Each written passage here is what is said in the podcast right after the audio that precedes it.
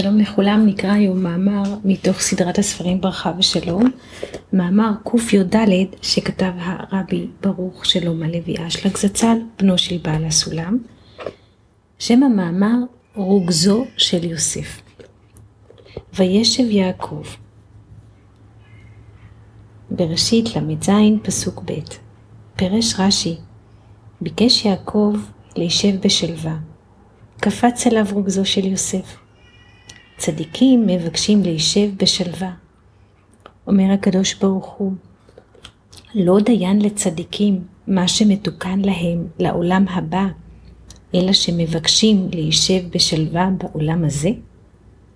ויש לשאול, הלא חז"ל דרשו הרבה פעמים, אשריך בעולם הזה, וטוב לך בעולם הבא.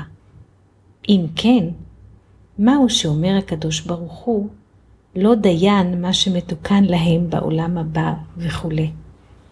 ויש לומר, עולם הזה ידוע שנקרא מלכות, שהיא כלי של קבלה.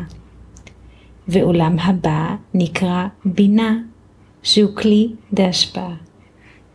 העולם הזה זה מלכות, ה' העולם הבא נקרא בינה וה' עילאה, כלומר ה' ראשונה. כי יש לנו ד' אותיות של שם השם, י' כ' ו' כ', אות ה' הראשונה, נבחנת לספירת בינה, אות ה' אחרונה, נבחנת לספירת מלכות, שהיא כלי של קבלה, בעוד הה' הראשונה נבחנת לכלי של השפעה.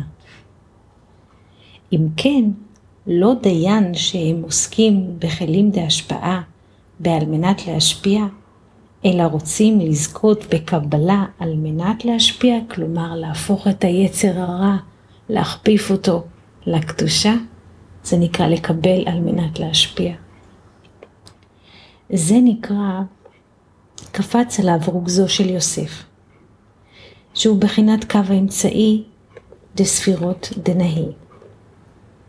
הנקרא נהי דקלים וגר דאורות, שהוא היה ברוגז, שעדיין לא זכה לבחינת נהי המגולים הנקרא יסוד, שהוא בחינת יוסף.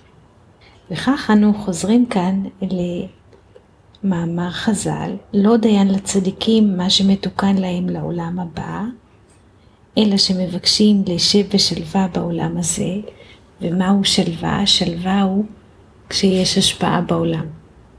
לכן קפץ אליו רוגזו של יוסף. כי היסוד שהוא בחינת יוסף, הוא לא הגיע למצב של להשפיע. כל טוב לכולם,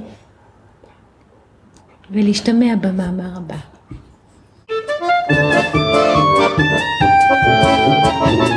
Thank you.